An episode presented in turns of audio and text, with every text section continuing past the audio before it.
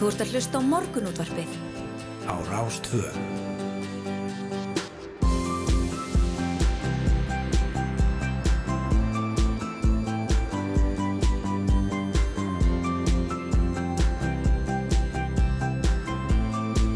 Morgunútvarpið Á Rástvö. Jú, jú, það er morgunútvarpið sem býður góðan dag hérna miðugudaginn 25. mæ klukkuna vantar tímyndir í sjö og yngvar Þóru Snár Sindradóttir vera hérna með okkur til klukkan nýju í dag á þessum svona hálkjara förstu degi, getur við sagt. Já, mér líður allavega mjög mikið eins og sé föstudagur. Það eru þetta uppsendingadagur á morgun, þannig að hérna svona þorri landsmann verður frí. Já, já, emitt og færa að sofa eins lengur en vanalega allavega vitu. Já, allavega vitu. Þess var svo notið í botn. Þetta, þetta var það fyrsta sem ég hugsaði um morgun. Já, Það var bara, ah, morgun er uppsendingadagur. já, emitt. Þessi páskadagar eru yndislegir. Mm, þeir eru það. Þeir eru alveg bara full ástæða til þess að vera ekki að kasta þjóðkirkjunum. Já. ég segi svona. ég segi svona. Já, já, herðu hérna, við ætlum að fara víða í þættinum í dag. Eh, Við ætlum til að mynda að eh, ræða við Salfur Nordal en Andris Jónsson, almannatengill, byrti fæsla á Twitter á dögunum þar sem að stakka upp á því að börn á aldrinum 12 til 18 ára fengur rimri heimildi til að vinna, já, í rauninni til að breðast við skorti á vinnuafli í ákveðnum atvinnugreinum. Fæslan vakti mikla aðtegla einhverju stuttu þessar hugmyndir bæði úr, úr stjórnmálastjættinu og á, á samfélagsmiðlum aðri töldan vera hérna eh, Bara villigötum? bara algjörlega villigötum en við ætlum að ræða þessar hugmyndir og bara vinnu barna almennt við Salver Nordal, umbósmann barna hér um það byrj kort er í átta Já, en með skallast ekki þá var Andris að ræða þessi máli í sítis útvarpir í gær. já, nákvæmlega bara eðlilegt framhald af því. Uh, málefni 300 hælisleinindar sem tilstóðu sendur landi á næstu dögum hafa verið mikið til umræðu hjá bæði þing og þjóð. Jón Gunnarsson, dómsmálaráðurra, var gestur okkar í gær og saði meðal annars að verið væri að fylgja fyrirleikandi lögum og reglum um mál fólksins og að ekki var hægt að veita hennar sér meðferð þrátt fyrir að fólki hefði sumt hvert valið hér í á þriðja ár vegna COVID-faraldursins.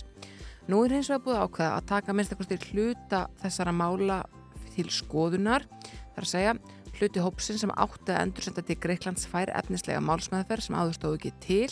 Og við ætlum að ræða, við ætlum að halda áfram að ræða þessi mál. Fá þessu sinni til okkar tvo úr stjórnaranstöðunni þá Andres Inga Jónsson Þingmann Pírata og Loga Einarsson formann samfélgar en hann situr einmitt í allsærir og mentamálunemnd alþingis sem fer með þennan málflokk á þingi. já, einmitt, uh, það voru mikil tíðindi í tíu fréttum uh, sjóas í gær. Mm, afar mikil. um, það sem Guðmundur Ingi var í, í vitali en við um, ætlum að ræða, við ræð, uh, ræðum hérna vinnu og börn klukkan kortir í átta en klukkan uh, hálf nýju þá ætlum við að ræða já, aðeins eldri krakka en brokk fólks á aldrinum 18 til 24 ára námi er hefði næst mesta hér á landi meðal Európiðuða og aðeins Rúmenía nær hærra á listanum í nýbyrtum samanburði Eurostat hagstofu Evrópusambatsins um brott hvar fólks úr námi og starfstjálun og við ætlum að ræða stöðum ungs fólks í námi og hvers vegna þetta er að gerast við Derek T. Allen, hann er fórsetið landsamtækja íslenskra stúdenta Einmitt. e, verið á línni hjá okkur um það byrj hálf nýju Já, emitt og uh, talandi um börn og námsmenn. Það var móðir 6 ára bats á Ísafjörði sem skrifaði gær grein í bæjablaðið BB þar sem hún vakti aðtikla á mjög skertu frísundastarfi í bænum með við það sem að víða annars það tíðkast á landinu. Nú þar að skólaslitt standa fyrir dyrum er ljósta börnum í fyrsta og öðrum bekk býðist leikinámskeið frá hálf nýju til 12 á daginn í júni en hvorki er búið vistun fyrir börnin aðrar viku sumars svo sem í ágúst nýja setni part dags. Börnin, 6 og 7 ára gömul, eru því sjálf ala eins og það er orðað í greininni frá hátegi og það er vinnudegi fóröldra þeirra líkur. Og við ætlum að ræða þessi mál við Hafdísi Gunnarsdóttur, sviðstjóra skóla og tómsundasviðs Ísafjörðar í upphafið áttar. Einmitt. og síðan er það Íris okkar í sjónum en lagning nýs sæstrengs millir Íslands og Írlands hósta mánudaginn en það gertur á fyrir að hann veri tilbúin fyrir, eh, já, svona fyrir áslokk með tilkomu strengsins eh, sem er meitt ber heitið Íris verður sambandsleysi tífalt ólíklæra og þá markar strengurinn tímamót fyrir íslenska upplýsingatekni og gagnavers yðnaðin og opnar einni á fjölmörg önnur tækifæri stafrænum yðnaði og nýsköpun að mati samtaka yðnaðarins og við ætlum að ræða mitt við Sigriði Móensen sem er sviðstjóri yðnaðar og hugverkasviðs samtakana og Harald Hallgrímsson, hann er fórstuðumar viðskipta þróunar hjá Landsvirkjun um möguleika Írisar. Einmitt. En svo er það ababólan hér í lok þáttar. Það söpu þetta margir hverjur gær þegar Þorlur Guðnarsson sóttutanlegnir tilkynnti að sóttkví og einangurinn er þið líklega beitt í barátunum við ababóluna sem nú reyðrar um sig í Evrópu Þórólfur verður gestur okkar í lókþáttar. Já, einmitt. Ég veit ekki með þig yngvar en ég hef, minn langar ekkert í sótkví. Nei, eh, ekkert í sótkví og ekkert í einangrun. Nei, ég er án fín bara. Já, Takk. akkurat. Nei, nei, vonandi hérna er þetta einhvað sem við þurfum að hafa litlar áhyggjur af. Já. Eh, og það svo sem lítur ekkit endil út fyrir það að við þurfum að hafa miklar áhyggjur af þessu held ég. Við skulum alltaf tala þannig hérna til að byrja með. Herðu, uh, lítum að þess að fórsíðu blaðina hérna. Uh, hér á fórsíðu mor morgunblaðsins er talað til að mynda um það að tekjur sveitarfélaga það sem þjóðlendur eru að finna á nýtingur lands og landsréttinda innan þjóðlendna. Nómu samtals rúmlega 20 miljónum króna á síðast ári. Og þá hafði vatnavíkuls þjókarur 25.000 krónur í tekjur á nýtingur lands og landsréttinda innan þjóðlendna. Þetta kemur fram í skýrslu Katrínar Jakobsdóttir fórsættisáþuram sem lögða fram á alþingi í gær. En þjólendur eru að finna í 38 sveitarfélögum og óskaði ráðunæti eftir upplýsingu frá þeim um þær tekju sem þau höfðu af nýtingu þeirra á árunni 2021 e, og þetta hérna þetta er um, áhugavert að við fæst í vöxta að sveitarfélög gerir samninga um nýtingu um, lands og landsréttinda innan þjólendna í samráði við og, og með samþykki ráðundisins og það er svona einhverjum að, að, að ræða skála og aðstöðu vegna áforma um uppbyggingu í tengslum við auknam ferðjónustu. Einmitt. Hér á Forsvíu fréttablasins er askabla svona, já, skemmtileg blátóna mynd uh, af bladamannafundi uh, já, þeirra flokkar sem ætla, ætla mögulega að mynda meira luta hér í Reykjavík. Þeir fyrst fórstu fólk uh, fjóra flokka, viðristnar, píreta, samfélkingar og framsóknar sem að búðu til þessa bladamannafundar. Við vorum að spura því í gæra á þessum bladamannafundi akkur þau var að búða til hans ef það væri ekkert að frétta Já, já. Var, hérna, já, það var svona að kærna þetta ágætla en hér er líka sagt frá þungari konu sem er forðað frá brottvísun. Það er að segja, frettablaðið hefur staðfest að badsamandi konu sem komin er 8 mánuðar leið hafið fengið bóðum brottvísun frá Íslandi eina þessum tæflega 300 henni hefur verið bjargað að sinni með læknisvottarði þar sem að, uh, já, læknis skrifandi það að það væri óforsvaranlegt að senda konu sem gengin er 8 mánuðar leið uh, til Greiklands í algjöru óvissu og, og húsnæðisleysi þar. Já, já. Hér er líka önnur lítilfrétt. Uh, Áslöf Arnar Sigurbjörnsdóttir, ráð þeirra háskóla yðnar og nýsköpunar, hún hefur búið aðgerið til að bregðast við skorti og erlendum sérfræðingum í hugurkakeranum. Já, já. Það eru góða fréttir. Já, já, taldum atvinnulífið og, og ungt fólk sem vil vinna meira eða ekki vinna meira. Það var ekki því hérna í morgunblæðinu að það á að hækka tímakaupið í vinnuskólunum. Já, E, og heflust e, mörg sem fagna því í fjórasafallin. Reykjavíkuborgar er gert, fyrir, e, gert ráð fyrir tefla 158 miljónum króna verið varið til að greiða nefndum vinnuskólans laun en sækja þarf um tefla 60 miljóna króna hækkun, segir hér. Það lagt til að tímakaup nefnda í 8. bekk hækki úr 664 krónum í 711 krónur tímakaup í 9. bekk úr 886 krónum í 947 og í 10. bekk úr 1107 í 1184 þetta er nú ekki hálaun Þetta eru ekki hálaun, en þetta er Mm. rosalega munur með 8. og 10. bekkir. Þetta er nánast tvöföldun. þetta er, þetta er mikil já, þetta er mikil munur, Þetta er er mjög og, mikill og, hérna, munur. og ég veit ekki, sko, þegar maður er komin í 10. bekk þá er maður kannski meira að fara fyrir einhver svona einhver hópstarfi, eða ekki, minni mig Er það? ég var alltaf í því að meiri því að reyta arfa í 8. bekk og, og svona komin í eitthvað eitthvað fýtna þarna, e, svona það að leiða á grunnskólan Þið hefur haft þess að fýnda þetta í hafnafyrði. Ég reyði mig bara í hellulagnir á Ísafyrði, var ekkert í það vinnuskóla. þannig já, Já, einmitt ég sendi hellulagnir með Ísafyrði hérna eftir 10. bekk og var ekkert á nefnum vinnuskóla launum með það. nei, nei, nei, nei. En við fyrir að skipta yfir á frettastofu, skulum að heyra hvað þau hafa að segja um uh, já, eitt og annað og komum svo hér að vermu spóri.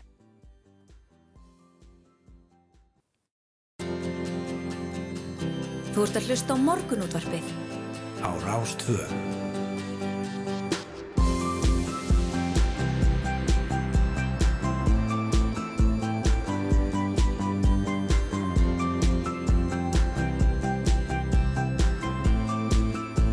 Rástvö. Morgunútvarpið Á Rástfö. Jújú, afnaldum við hér í morgunútvarpinu á Rás 2. Uh, það verður eitt og annað sem við ætlum að bjóða upp á í dag. Uh, við ætlum til dæmis að ræða abbóluna við Þór Guðnarsson sóttvarnarlækni. Við ætlum að ræða brott hvarf uh, fólks á aldrinum 1824 og námi hér á landi sem er með í hæstamóti. Við ætlum að ræða málefni þessara 300 hælisleitenda sem hafa verið hvað efst í deglunni við Andres Inga Jónsson og Loga Einarsson Svo ætlum við að ræða vinnu barna við Salfur Nordal, umbósmann barna. Við ætlum að ræða uh, nýjan sæstreng sem heitir Íris. Já, á milli Írlands og Íslands og hafa gera sambandslega þessi tífalt Ah, ólíklara. Þess vegna heitir hún Íris. ég, ég bara... ok, Já, já, já, einmitt. Að Ég hafði reyndar ekki tugsað það sérstaklega. að það er melli Írlands og, Íslands, já, Íris, einmitt. Að Það er hlýtur að vera. Eh, Ég hafði ekki leitt hugan að því. Ég mjögst að bara falla eitt nafn á, á fínum sæstring. ég, að- að- er búin að vera að felta þessi fyrir mér að gær, bara akkur heitir þessi sæstingur Íris já, síðan við byrjum að tala um þetta í gær. Já, Já, og mér fannst þetta svo fárnægt ég held að var að gera, grína mér og því ég nei, hún heitir Íris af því hún er á melli Írlands og Íslands já.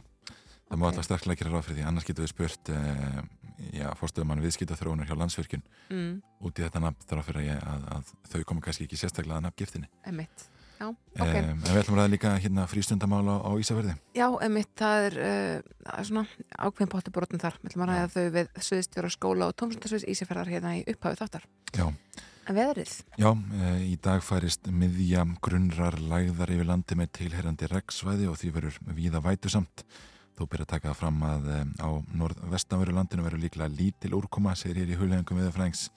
Nú vindur verður víða hægur og áttinn breytileg, hiti 5 til 10 stig og e, við sko líka líta á morgundaginn, eða frí á morgun eins og kom hérna inn á áðan.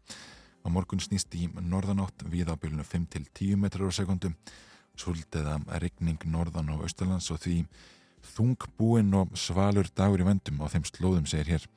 Nú rofar til sunnan heiða og bjart með köplum þegar kemur fram á daginn en þó má búast við að ja, síðdeis skúrir eh, verði á stökustað. Hlínar þar sem sólinn er að skína upp í um 13 til 14 stig þegar best lætur sunnalands. Eh, en spár gera síðan á fyrir því að um helginam færist hlýr loftmassi á söðurlægum uppruna yfir landið. Við þurfum meira af þessum hlýja loftmassa á söðurlægum uppruna eh, núna. það er vormánuðum. þetta, algjörlega Já, já, En uh, hér á vegagerðinar er eitt og annað. Það verður lokað í vestanverðum áltafyrði í dag á milli 5 og 8. Bara, já, núna, mæntalega, opnar já. klukkutíma vegna viðgerða á ræsi. Á vestfjörðum er varaði miklum slitlagsskemdum á þeim sunnanverðum og það er unnið að viðgerðum. Uh, meðal hans á kleifaheiðinni þar sem er unnið, unnið að viðhaldi á vegaukstum og slitlagi. Og um, aðfaran á tvindags í nótt þá verður unnið að þrifum á breyðardals og bottsheðagöngum á milli 9 og 6 á Norðurlandi þá eh, hefur tölvöld sig orðið á veginum á Ólásfyrði þar sem við Brimnes á leið úr bænum. Þar eh, eru vegfærandi bænir að maka með gátt á Austurlandi eru reyndirinn á ferð eins og allan hans ring og uh, á Suðurlandi er Sandholmavegur lokaður við Kelduál vegna viðgerða brúarinnar og Ölfossi er framgötasvæði millir Selfoss og Hveragerðis sem hefur hámarsraða uh, 50. Þannig að fyrir öll þau sem ætla í bústað beint eftir vinnu í dag þá er gott að hafa það í huga að þar er, þar er uh, takmarkaður hámarsraði því er ekki þetta á hundrað. Nei, nákvæmlega. Eh, ég er hérna örstuð að renna yfir eh, eh, jarðskjálta töfluna á Mm. vef viðstofunar á geta að gera það núna í þessari skjáltavirkni. Eh, nóttin var svona tildalega rólega síns mér en eh, ég allavega fjóri skjáltar eh, hér svona við Grindavík sem voru yfir tveira stærð Einmitt. eh, en engin yfir eh, og, og því fagna eflust mörg núna þegar allt er búið að skjálfa síðustu dag. Einmitt. Svona, jarðskaldar þeir eru alltaf í svona einhverjum ákveðnum veldisvaksti en það er pínlítið erfitt að einhvern veginn átta sér samt á því veldi hver er munurinn á þreymur og fjórum og svo framvegs. Já, Það einmitt. liggja svo ólíkt og maður finnir svo mismundi fyrir þeim. Það er rosalega munur á milli, milli stiga. Rosalega munur. uh, en ég hérna uh, fór nú með rámt mál hérna því ég talaði um fjóra skjálta yfir tvo stærð. Það verður visslega fjórir en, en tveir við Grindavík og, og tveir uh, söðustan af Borðabung Ah, þetta er, er allstaðar Þetta er alltaf, það er alltaf gerast. Við skulum heyra smá músík, þetta er glænýtt með Moses Hightower og Prince Polo og þetta lag heitir Maðkur í misunni.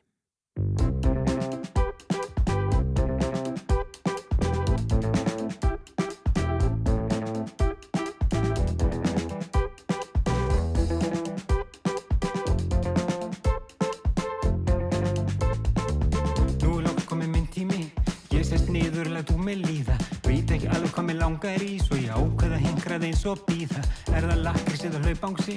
Bara það sem veldur ekki bakflæði. Eitthvað sem lina mína þjáningar Og vikur ekki upp á þægilegar spurningar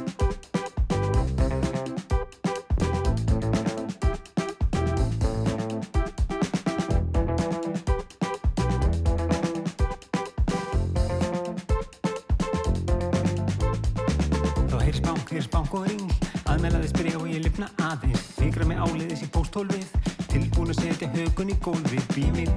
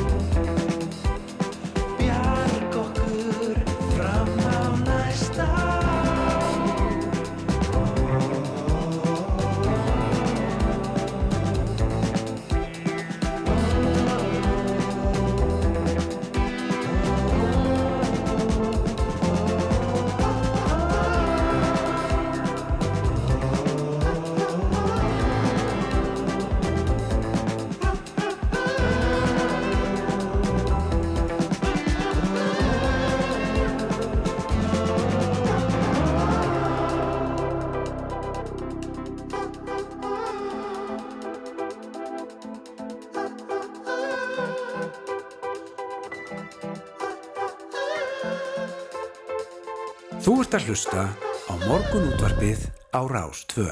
Við erum að renna yfir vefmiðluna hérna og, vef Breska Ríkis útafsins núna og um, festumstegila uh, hér í uh, vísindaflokknum á vef þeirra. Uh, þú rást augun í uh, áhugaverða fréttum um uh, risaðlu. Já, það var verið að uppgöta þessast jarneskar leifar rísaflugeðlu sem að er kölluð hér, svona að vísindamenn hafa verið að kalla drega Dregt döðans. dregi döðans af því að uh, þessi flugeðla er rándýr uh, þeir sjá það og hérna hún er á starfi rútu Já, það er ótrúlegt Lífið væri nú skemmtilega ef við værum að það með uh, risaðlu að starfi rúti. Já. Hérna.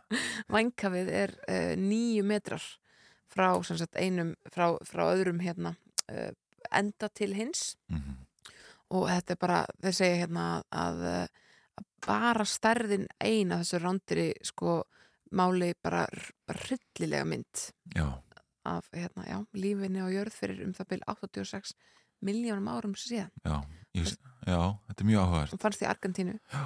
og raun og veru þessi stærð sko, hún, hún eiginlega bara storkar uh, hugmyndum okkar um bara svona ákveðna já, þú veist, ba- bara ákveðna eðlisfræði sko, ákveðna hugmyndur okkar um bara rúm í raun og veru. Já, ég held að það var nú, sko, auðmíkjandi fyrir okkur í dag ef, við værum að fara eitthvað út og við kæmst ekki út strax vegna þess að að dregi dauðans væri að að fá sér gras í garnum hjá okkur. Hann var ekki fyrir sig græð, hann var að bóla heimilsköttin og bara, þú máum það alveg að reyna Já.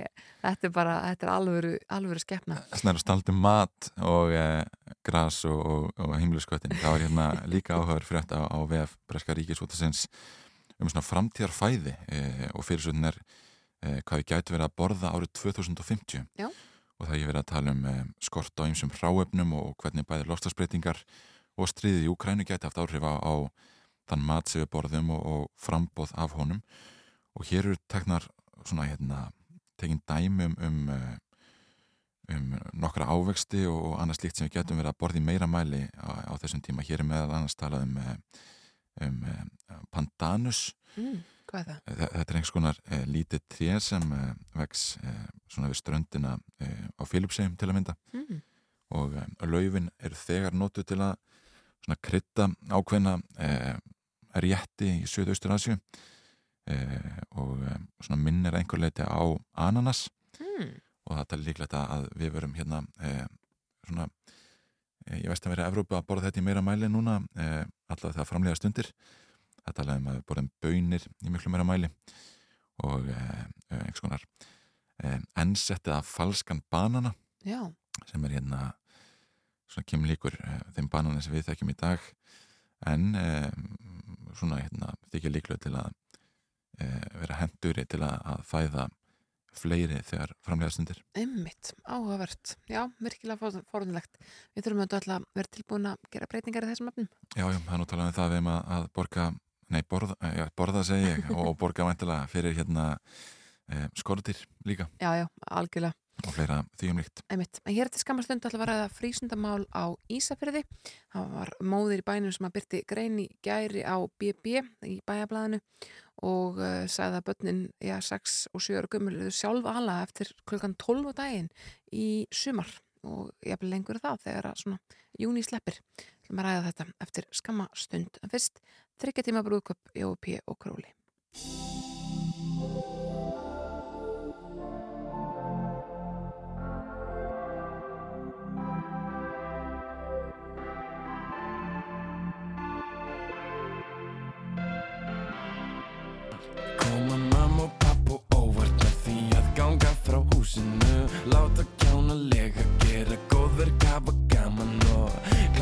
Klára heima vinnuna Muna líka drekka vat, skiptast á rósallum Brosa og kýtla mann, grilla pulsur Gista með vinnum, mega fá að vera með á trampolínum Renna á sleða og líka á dýnum. Þannig sköpum við gleði í heiminum. Þryggja tíma brúðköp og svo sund. Vera úti seint og klappa dýrunum Út í og kannski aftur sund. Bara eiga góðar stundir, bara góðar stundir. Þryggja tíma brúðköp og svo sund. Vera úti seint og klappa dýrunum út í og kannski aftur sund. Bara eiga góða stundir, bara góða stundir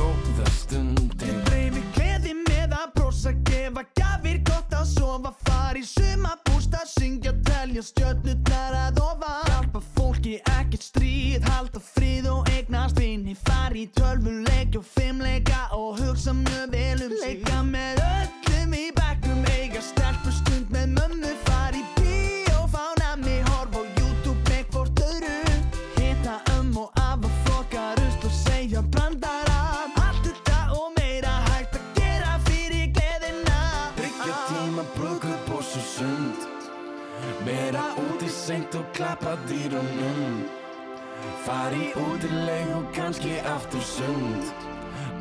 Bara góðar stundir, bara góðar stundir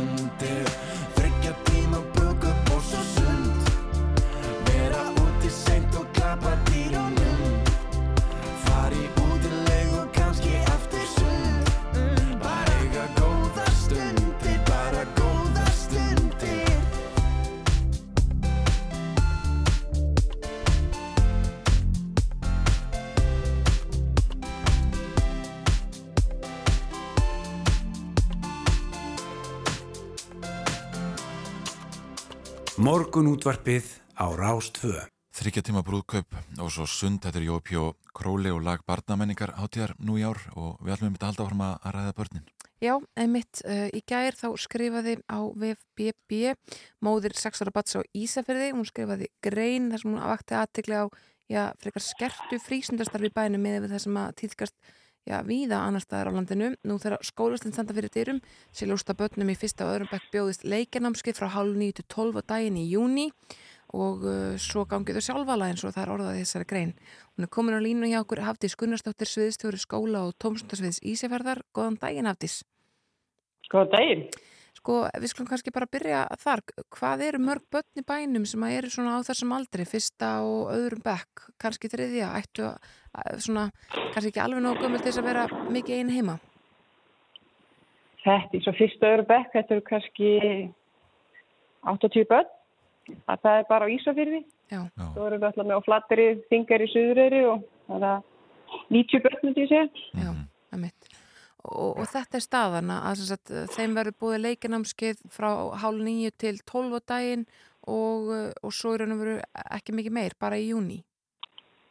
Sko, það sem að bærin kemur að uh, eru þessar, þetta leikanámskið sem að við ger, vinnum með í sambinu við hérarsamband vestfyringa og það er alveg rétt og það er frá hálf nýju til 12, fjóra vikur, þrjára vikur í júni og eina í júli og svo eru aðrir aðilar með alls konar verkefni sem að ímist henda eldri börnum eða þessum 6-7 ára börnum.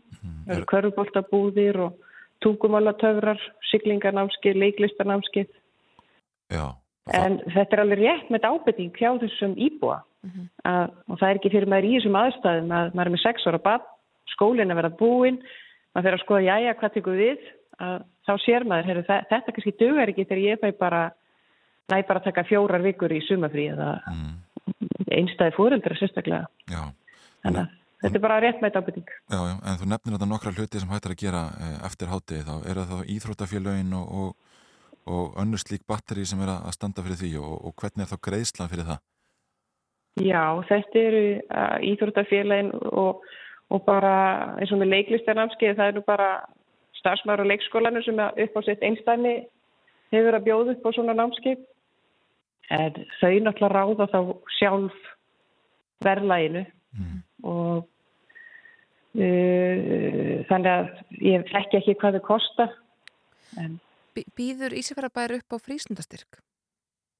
Nei, við erum ekki með frístundastyrk en það sem við gerum í staðin er við erum með íþróttaskóla HSVAF, sem hér er samband vesteringa og þar geta börn æft uh, á skólatíma frá þess, fyrsta, og, já alveg til tíu bekk reyndar með mismöndi sniði eins og fyrsta og fjórðu bekkur getur æft bolta íþróttir, sund, almennar íþróttir uh, og fóreldra borga 8.000 krónur og önn fyrir þetta og þau geta verið að æfa fimm sinum í viku og þegar þau koma heim úr skólanum þá eru þau búið með sína æfingu, Já, æfingar fyrir hérna daginn. nefnir. Þetta skýðin, við erum með þau eftir klukkan Já, fimm. En þú segir þetta sé sko réttmætt ábending þarf að breyðast við og, og breyta einhvað þessu starfi? Já, sko, ég sé fyrir mér að þetta fyrir að taka þetta fyrir, við nýja bæjarstjórn og nýja nefndir. Og svo þarf að eh, taka þetta inn í fjársállurna í, í haust Já. með þessum nýju aðlum og hvernig getum við komið meira til móts við þennan hóp og er viljið til þess Hvernig er sem staðan? ég vissum að er. Já, hvernig er staðan hjá þeim börnum sem búa einmitt eins og þú nefnir á Flateri, Suðureyri, þessum svona minni bæðifélugum innan sveitafélagsins? Hafa þau aðgangað einhverju frísundastarfi uh, á, sko, án þess að vera hreinlega kerð á milli bæjafélag eða sérst, uh, bæja? Sko, á sumrin eru þarna uh, íþróttafélag á svæðinu sem að bjóða upp á uh, það er eitthvað sem hefur búið upp á reyðnámskeið og það hefur búið upp á leikjarnámskeið en þetta er samt ákveði vandamál hjá okkur sem að þarf að bregðast við. Og það er þessar samgöngur á milli svæða. Foreldrar sem búa flatir í suður og þingari eru mikið í skulli ef að börn er eða skýði eða körbólta, fótbolta. Já, Eh, og, og þessar íþróttir sem á þart svolítið svona hóp til þess að æfa Já, þá er þau mikið í skutti og einmitt. þetta er eitthvað sem þarf að bregðast við. Og það er ekkert smá skull, það getur bara tekið þrjú korter að fara fram og tilbaka þarna á milli staða. Já, sko, þú ert kannski kortir 20 mínútur eh, svo milli flatir og suðurir og yfir Ísafjörð Mhm. og, en frá þingeri það er 45 mínútur og það eru fóreldrar sem eru með börn í körfubólta og, og er að keira kannski daglega með börn á, á, á æfingar. já, já, og við þessu þarf að breyðast.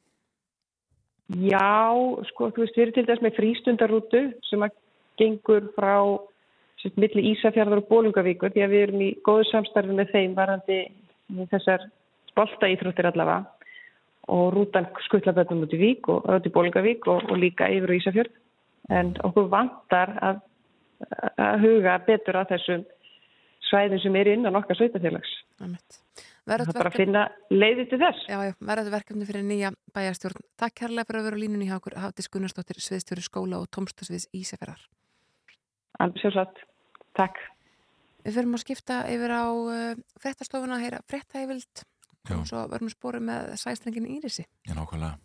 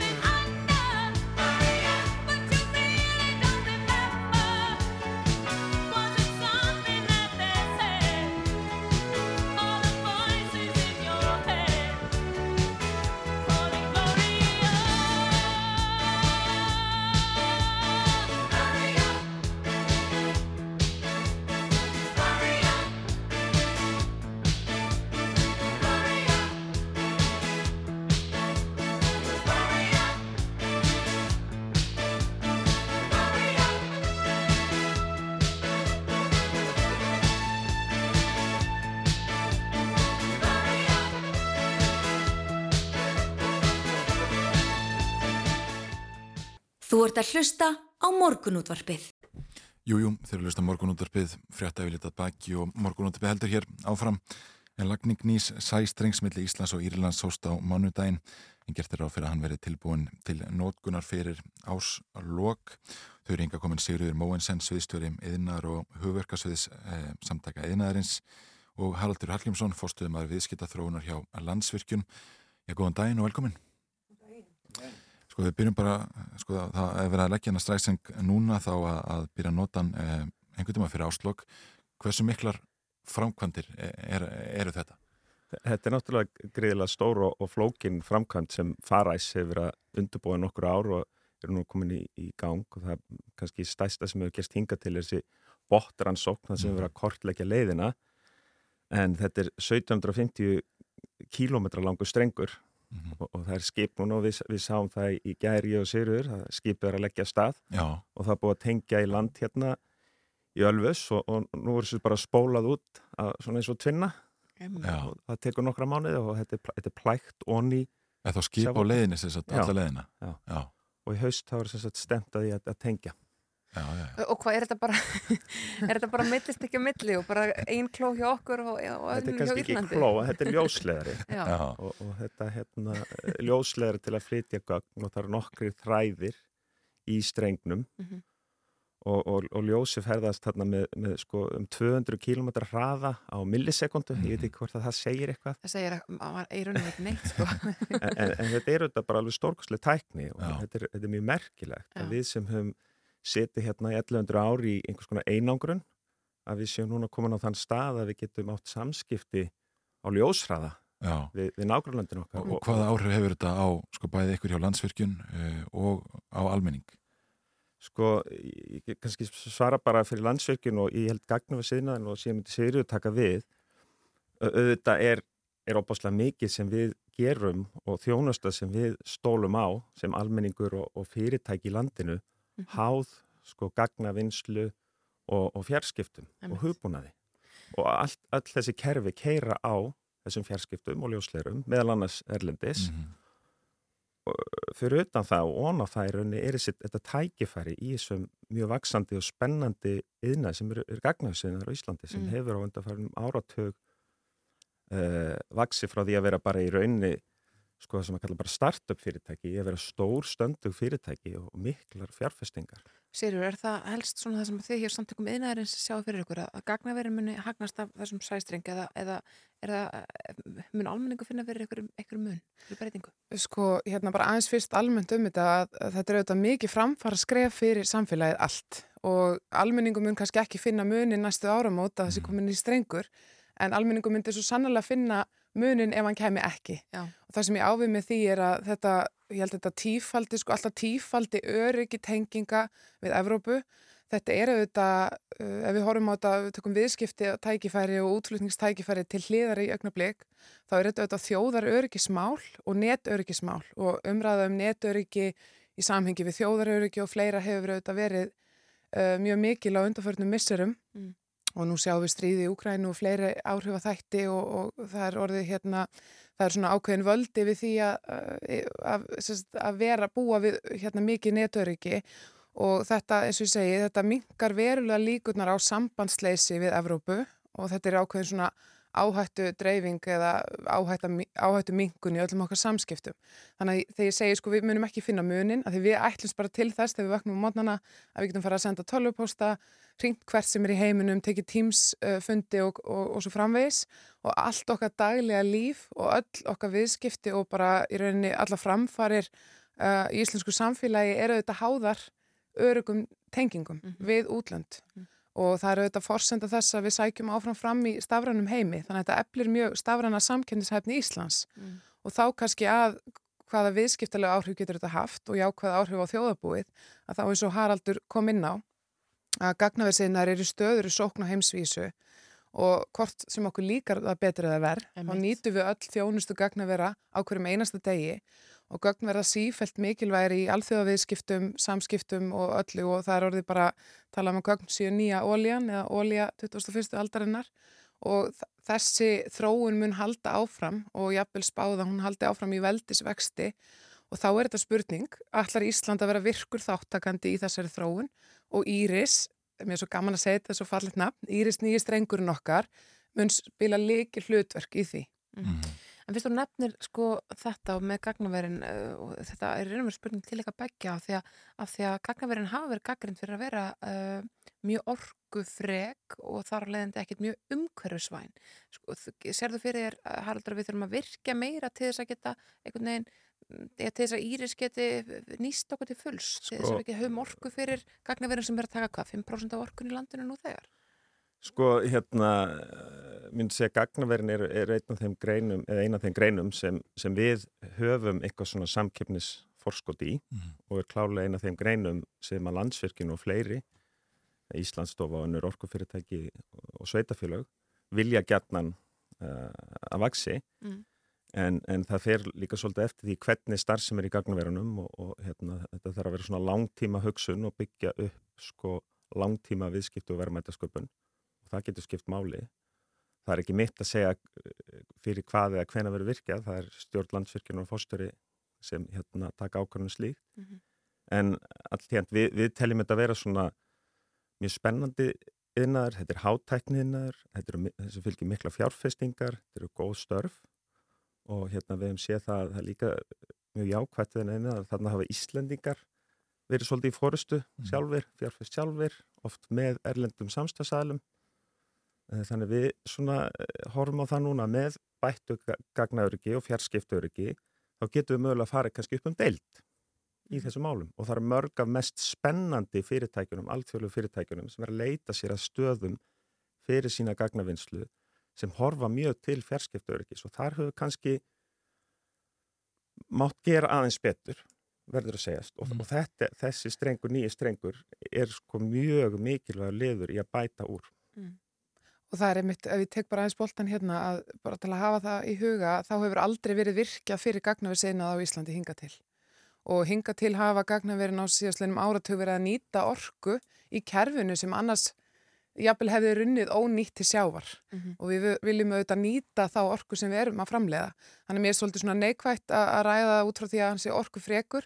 Uh, orku sækin eðnaður, græn orku sækin eðnaður er bara í vextu um allan heim, í öllum löndunum í kringum okkur, hvort sem það er gagnavinnsla, matvæla framleiðsla, líftækni, uh, hérna, fiskaldi á landi eða hvaða er að framtíðin eru auðvitað bara háð rávorku og hér búum við svo vel að eiga græna orku og endur nýjanlega orku þannig að við erum auðvitað með samkynningsforskot á önnu ríki en eins og Haraldur nefndi að þá hefur, hefur öryggi gagnatenginga svona óöryggi gagnatenginga verið hérna svona ákveðin hindrun í vegi á þessari þróun hérlendis og þess vegna er þetta auðvitað mjög stórt skref sem við verðum að taka með þessum nýja streng og ég held að við hefum að vera virkir þáttakandur í þessari stafrannu þróun og fjörðu umbyltingu. Ég veit þetta hljóma mjög glísukent en þetta er framtíðin og, og Ísl, það eru mörg tækifæri fyrir Ísland á þessu sviði. Já, sko, ég nefndi hérna á hana að það er gert ráð fyrir að vera tilbúin einhvern veginn fyrir áslokk. Hver er svona heildar kostnæður við þetta verkefni?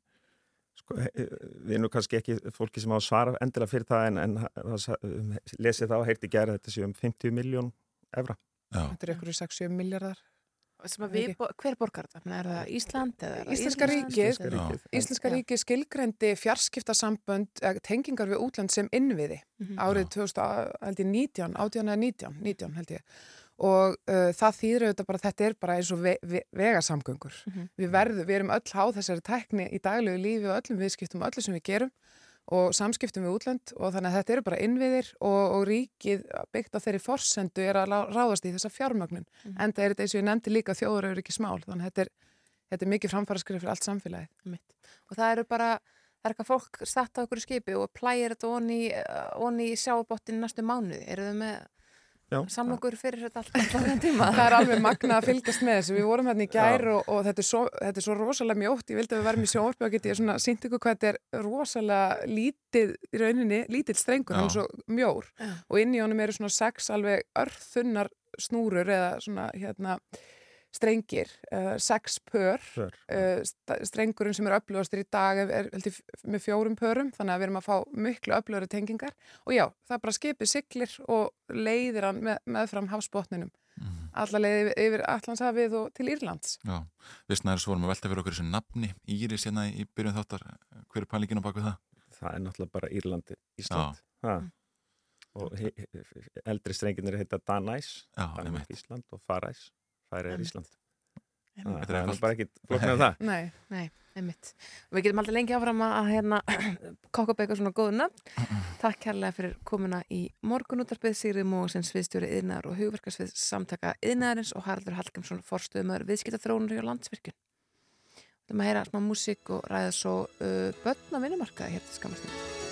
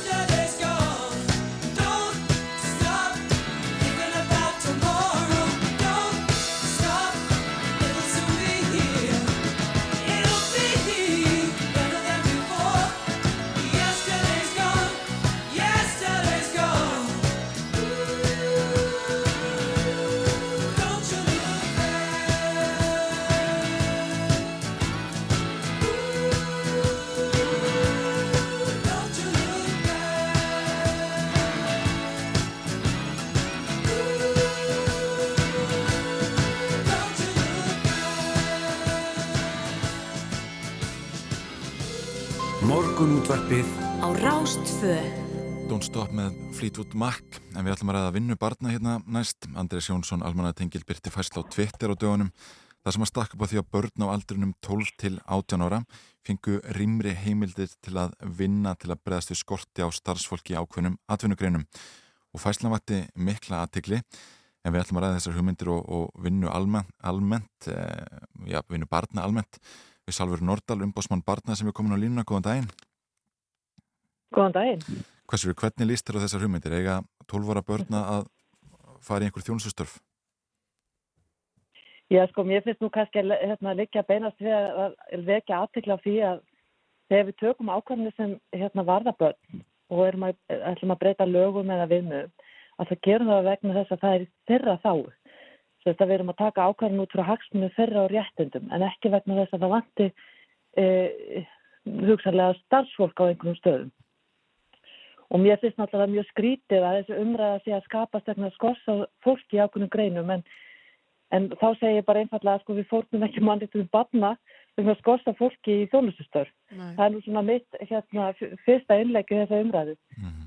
að það er oft verið að tala um að við sem svolítið ofvernda börnin og, og hér, æ, þú, þú þekkir þessar sögur bara, ég gekk 5 kilometra með skólduskan á höfðun í skólan og hérna, og þegar ég var nú bara, þá var maður bara að byrja að passa frá þau að maður 7-8 ára gamall lítil börn og svo var maður farin að slæja fisk, þú veist, 11 ára.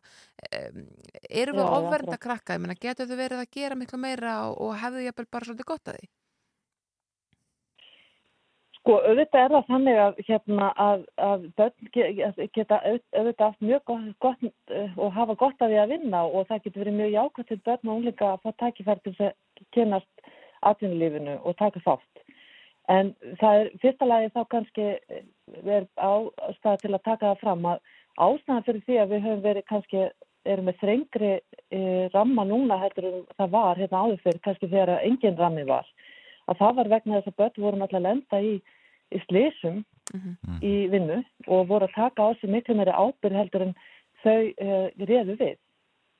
Það er auðvitað mjög mikilvægt að börn er að, að vinna á stundum sem er að taka þessi sögum að vinna eins og fjörmörg börn gera að þá sé það ánægileg og uppbyggileg reynsla. Já. Þannig að það er, það er, það er full ástæð, það var full ástæð til þess að, að, að setja reglur um það hvað börn mættu gera og hversu lengi þau me- megi vinna, hversu langan vinnudag og að þau séu ekki með meira ábyrð heldur en þau ráða við. Og svo líka annar, að eitt af því sem skiptir mjög miklu máli er að sko er allt, þetta samfélag sem við búum í í dag er allt öðru heldur en kannski mín kynslof hérna ólstöfið og ekki að það hefði allt verið í góðu lagi þá, en það var bara allt annað samfélag og miklu einfaldara og núna við erum að vinnum í miklu flóknara samfélagi og, og bara það er að hafa orðið mjög mikla breytingar á vinnumarkaðan. Þannig að það er ekki auðvelt fyrir börn að koma inn á vinnumarkaðin og í alls konar störf eins og var kannski áður fyrst. Nei. En, sko, hvers konar vinnur, Þannig að ég held að það er svona ímyndið sem að þurfa að skoða og til dæmis vin, að passa börn, sko, það er auðvitað, það er ábyrða hluti að passa börn og, og það er hérna, eins gott að börn séu ekki, séu séu orðin það startuð og, og geti gert það og, og borðið ábyrða á litlu barni. Það vita það með allir sem hafa verið innan litlu börn. Og þá skiptir máli aldur bassis og al- aldur bassis er að passa og svo framvegis, sko. Þannig að hérna að, að En það eru viðmið og við höfum og það eru reglur og við vorum með mitt hérna, umbásmaður barna var að setja á vefin. Við höfum gert þetta ofta á vorin þegar eh, sumarvinnan er að byrja að setja og svona árétta ákveðna hluti í sambandi við hérna, vinnubarna og þá eru þetta með við það annars vegar börn sem eru yngre en 15 ára og svo börn sem eru eldri en 15 ára. Já. Það eru svona viðmiðnar aldur í, í þessum reglum. Já, já. En við tölum um sko uppbyggilega vinnu eh, væri kannski bara betra og uppbyggilegra að, að 13, 14 ára, 15 ára börn væri að vinna í ferðarþjónustunni en að vera svona hálfreita einhvern arfa.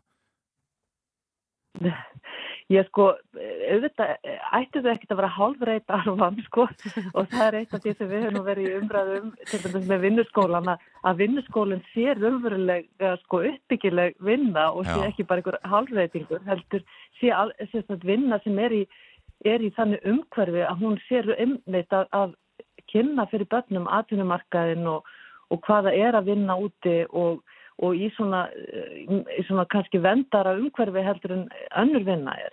Já. Þannig ég held að það séu mjög mikil tækifæri í vinnuskólunum. Það er auðvitað mjög mismöndi hvernig þeir eru reknir eftir þessu setjafélagunum. En sumstaðar eru náttúrulega gerðan eða, eða fá börnin önnur, eða annars konar tækifæri og kannski hérna, launin eru líka mismöndi og svo framvegis. Það er mismöndi litið á þetta. En í vinnuskólun er augljóslega mjög áhugavert tækifæri með til þess að að vera fyrsta skrefið að atvinnu þáttöku þarna og ég held að mörg sveitafélag geti þar unni miklu svona markvisara í því starfi. Mm. En svo að þú nefnir launin, sko, eh, hvað er eðlilegt að borga börnum há laun og, og, hérna, og er ekki einhvern veginn hægt á því að við ringum á mikið að atvinnulífið já, verði fljóta að grípa til þess að- geta ráðið mjög ódýrt vinnuafl í sko alvöru störf sem að, krefast kannski að ættu að, ætti að borga svona, já, veglega fyrir. Það eru þetta bara eitthvað sem við vitum að var auðvitað áður fyrir og, og hérna og, og er að viða það sem mikil vinna barn og týðkast og þá eru þau vitað áður sem ódýrt vinnuafl og það eru auðvitað hérna mjög mikilvægt að, að, að börn þekki og börn og fóreldrar þekki réttindi þeirra. Við höfum auðvitað fengið oft fyrirspurnir sem varða launbarna í til og með sumavinnu eða þegar þau eru að vinna með skóla og hérna það er, það er og það sem þau, þau eru kannski einhver svona vafamál hvort það er verið að, að þau séu að fá það sem þau eiga að fá og, og fá það kvíl sem þau eiga að fá og svo framvegs. Þannig að það er auðvitað gríðarlega mikilvægt að börn og fullorðnir og fóreldræðira séu vel inn í því hvað, hvaða reglur gildi og hvaða hérna laun eru, hver launin eru og það sé ekki verið að, hérna, að, að snuða börnin eða að það sé verið að líta á þessum ódýrt vinnuafl. og þið byrtu samantækt á ykkar vefsíðu í, eh, já, gær bara um vinnu barna og úlinga og reglur sem gilda um, um uh, slíka vinnu. Já, við gerum það og sérst, við höfum verið að gera, við höfum oft gert þetta áður sko, einmitt af því það kom oft fyrir spurning til okkar sem tengjast við með barna svona á vorin og sumrin þegar börn eru nátt, en auðvitað eru fjármjög börn líka sem er að vinna auðvitað með skóla. Og það er bara aldrei of oft áréttað að, að það eru ákveðna reglur, það eru mjög mikilvægt líka að huga að aðbúinu þeirra á vinnustað að það sé hérna eh, að huga líka bara, þú veist, ef eitthvað kemur fyrir að það sé hérna vinnu eftirlítinu sé tilkynnt um það. Þannig að við höfum yfirsýn líka yfir, yfir hérna til dæmis óhæpp eða slis á, á börnum í vinnu því að það er alveg starind og það, er, það, er, það eru marga tilkynningar á, á ári það hafa verið hérna það hafa bara verið heilmarga tilkynningar á hverju ári um, um, um slisa á börnum til vinnu eftir og það eru örglega ekki allar, til, allar upplýsingar sem koma þar. Það er til dæmis bara eins og kemur fram hjá okkur þarna eru sko um, það verður kannski 50-60 vinnuslis tilkynnt hérna á aldursáknum 18 ára og yngri. Og það, það eru þetta eitthvað sem við bara höfum miklar hérna já, áhyggjur á og, og höfum verið einmitt að í samtali við vinnust eftirleitið á síðustu árum um þessi mál og að þetta sé rétt skráð og, og, og fylgst með þessu. Já, einmitt. Við komumst ekki lengra í, í þetta skiptið Salfur Nordal, umbóðsmaður barna. Takk fyrir að vera á línni. Takk fyrir, takk sem við leiðis. Og þetta maður bara að skipta yfir á fréttastofuna að heyra átta fréttir. Komum svo hér að með spóri en fyrst smá músík. Þetta er Rokkuferri með Duffy.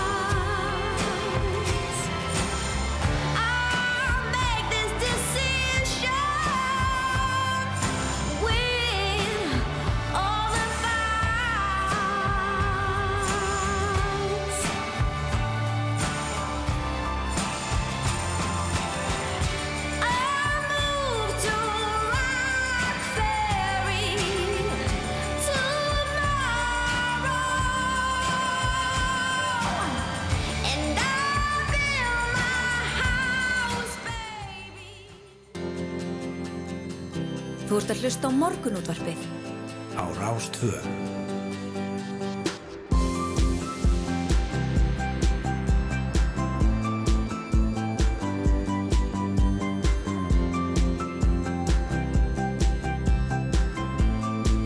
Morgunútvarpið á Rás 2. Jú, áttafrættir að baki og hér höldum við áfram í morgunúttarpinu Snæra og Sindardóttir og Yngvar Þór Björnsson. Þú ætlum að vera með okkur til klukkan nýju. Málefni 300 hælisleitindar sem tilstóð að senda úr landi og næstu dögum hefur verið mikið til umræðu hjá bæði þingi og þjóð. Jón Gunnarsson, dómsmálaráður, var gestur okkar í gær og sagði meðal annars að verið væri að fylgja fyrirleikandi lögum og reglum um mál fólksins og ekki verið hægt að veita hennar sér meðferð. En nú er búið að ákveða að taka að minnstakosti hluta af þessara mála til skoðunar, það er hluti hópsins fær, uh, etnislega málsmeðferð sem áður stóð ekki til. Þeir eru komðringa til okkar, Lógi Einarsson formaður samfélgingarinnar sem situr í allsærir og mentamálin nefnd Alþingis og Anders Ingi Jónsson þingmaður Pírata. Uh, verðið velkomnir. Takk. Það hefur verið hitti á Alþingi út af þessu máli já, í vikunni. Uh, hvernig er, hvernig er stemningi með öll? Já, það er náttúrulega hitt í samfélaginu út af þessu máli og enn einu sinni erum við að sjá það að mótmæli almennings eru vantilega að bjarga ykkur fólki sem á að vísa á landi uh, og það eðlega hefur áhrif á uh, stemningunni en á þingi og þetta hefur nú verið aldrei skrítin vika því að við spurðum þrjá ráþæra ríkistörnarinnar í óundabunum fyrirspöndum á mándaginn út í þessi mál og fengum uh, allavega svona tvær ólíkar útgáfur af sögunni uh, ráþærar Vafki töluðum að það væri kannski ekki það best að senda fólki í þessari viðkvæmu stöðu aftur í ónýtt vendakerfi Greiklands á meðan uh, ráþæran sem ræður málafloknum, Jón Gunnarsson uh, var bara fyrir og flammi og alveg til að húrra fólki ánga yfir. Uh, og síðan erum við núna þetta er eiginlega verða mjög flókið að fylgjast með þó við logi vinnum við að fylgjast með þessu að svo mætir uh, félagsmálra á þeirra í, í sko tvo fréttatíma í gær og talar eins og hann ætla að, að hérna, breyt, breyta stöðunni.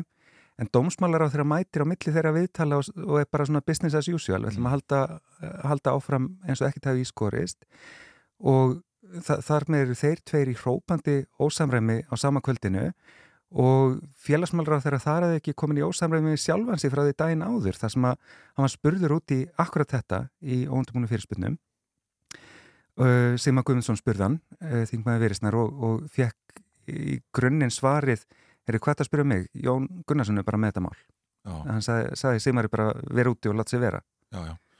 Sko Snæru spyr hérna út í uh, stemmingun á, á alþingi og, og einan flokkana en sko ef við litum á ríkistjórnuna þá, þá segir Guðmundur Ingi þarna í uh, já, kvöldfröndum klukkan tíu í gær það er ránt að eining ríki innan ríkistjórnarinnar um yfirvandi brottvísanir fólks Lógi, hvaða áhrif hefur þetta á, ríkistjórnuna og samstarið þar? Mm, Það er nú ekki gott að segja. Þau hafa nú sínt það að þau gera nú flest til þess að hanga í þessu samstarfi eins og óskiljanlega það er. En ég held að það sé nú samt raunverulega þannig að það sé ágreiningur um þennan málaflokka minnst og kosti mikill í ríkstjórninni og það er allt í lægi að hverfa nokkur ára aftur í tíman vegna þess að í aðranda kostningarna 2017 þá var tölver umræða um einmitt uh, nýsetta útlendinga lögjöf og formen stjórnmálaflokkana sem áttu sætt á alþingi allra nema sjálfstæðisflokksins uh, skrifuð undir samkómulag um það að fyrsta verk næstu ríkistjórnar, hvernig sem hún erði sett saman, erði að, að fara í uh, endurskoðun útlendingalögjöfarnar uh, með það fyrir augum að uh, likka og venda sérstaklega börn, fólki við hverjum stöðum og svo framvegis.